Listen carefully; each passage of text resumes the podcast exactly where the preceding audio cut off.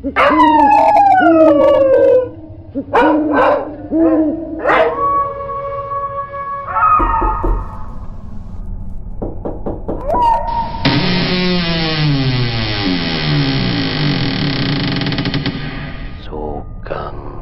Rawuh Ndara.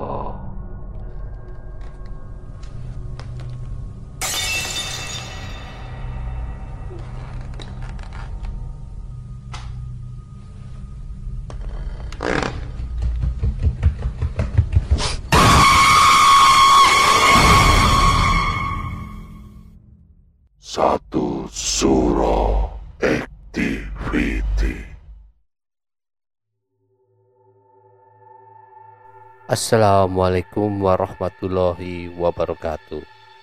Selamat malam. Rahayu, Rahayu, Rahayu, Rahayu. Para pendengar Satu Suro Activity. Saya, Andi Putro. Selamat malam para pendengar pada malam hari ini ada kiriman kisah mistis dari Dian mengenai kejadian mistis saat dia sedang PKL di sebuah puskesmas. Selamat mendengarkan. Kami sedang PKL di puskesmas tersebut. Tidak ada fasilitas rawat inap, tetapi hanya menerima rawat jalan dan ada kamar bersalin yang persalinannya pun jarang. Ada beberapa teman dari kampus lain. Saat itu total ada enam anak kampus PKL. Nah, sore itu saya berdua teman dipanggil ke rumah pegawai puskesmas untuk membantu. Sekalian cari kasus pasien. Lalu kami pulang ke puskesmas jam 19 malam. Kami tinggal sementara di sebuah rumah yang digunakan untuk ruang bersalin puskesmas. Saat kami berdua sampai, keadaan rumah gelap gulita. Sepertinya empat teman lain masih tidur dan belum menyalakan lampu. Saya mengintip dari jendela yang belum ditutup kordennya. Nampak teman saya Sebut saja Wardah, berdiri dengan rambut terurai ke depan, baju daster putih, panjang dengan wajah seperti disinari senter. Menghadap ke arah jendela yang saya intip. Saya menoleh sekilas, tapi saya abaikan karena fokus memarkir motor di ruangan yang sempit. Saya pikir ini si Wardah malah mainan HP gelap-gelap. Tapi nggak mau nyalain lampu. Karena teman saya Wardah ini kurus kecil rambutnya panjang juga. Teman saya nggak lihat karena sibuk bantuin saya parkir motor. Maklum sesama cewek bakatnya gibah, gak bakat parkir. Lalu kami masuk ke rumah dan nyalain lampu. Tampak dugong-dugong itu masih bubuk siang sampai menjelang malam. Dan ternyata si Warda masih tidur guys. Dia juga pakai kaos jaket dan celana jeans. Gak dasteran. Belakangan setelah balik ke kampus, baru terdengar testimoni teman-teman lain yang juga pernah praktek di sana. Sering ada derap kaki kayak rombongan tentara gitu. Padahal gak ada siapa-siapa. Kejadian berikutnya, nah ini pengalaman saya saat awal-awal di dunia kerja jadi saya baru lepas training tiga bulan dan waktunya masuk shift. Saat itu saya dapat shift malam pertama kali. Kami dinas bertiga.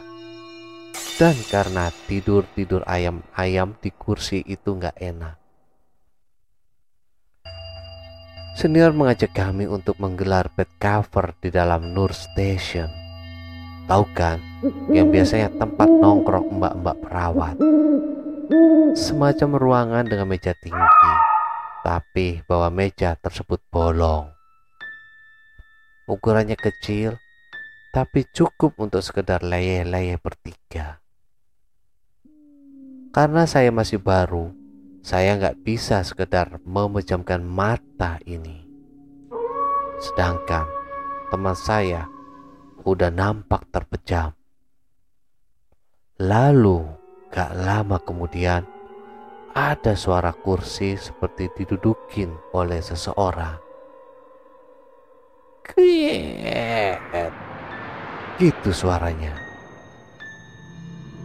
Hmm, jangan-jangan ada ketua tim datang, pikir saya. Kami punya ketua tim yang sering berkeliling tengah malam untuk tanya dan merimut kondisi ruangan dan lain-lain. Saya diam aja karena saya kan masih baru. Nanti kalau ditanyain dan gak bisa jawab kan malu.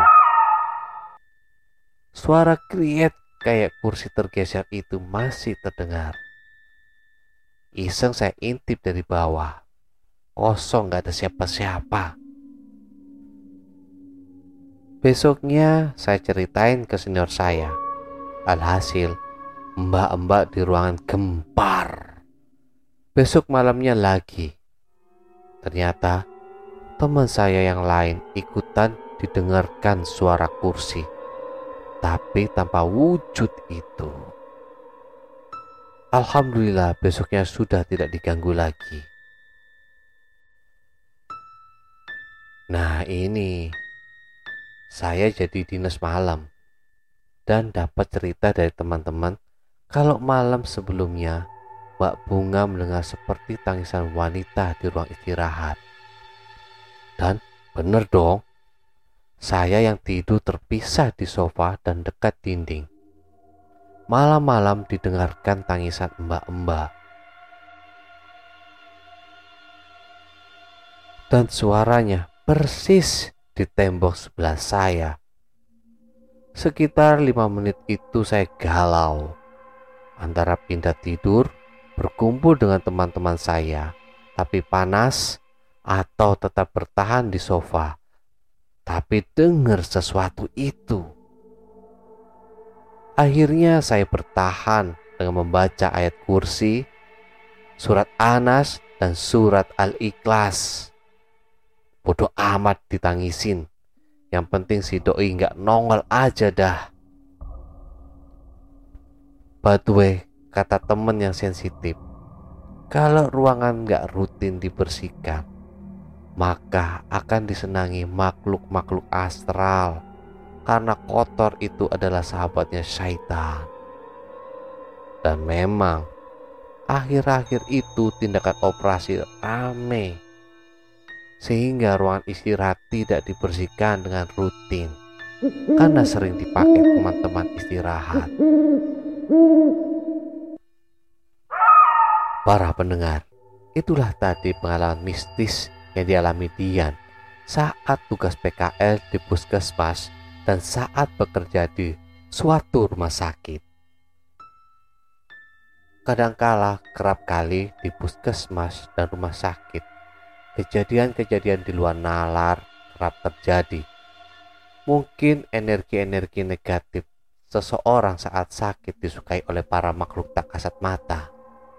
Mungkin energi-energi tersebut seperti makanan bagi mereka.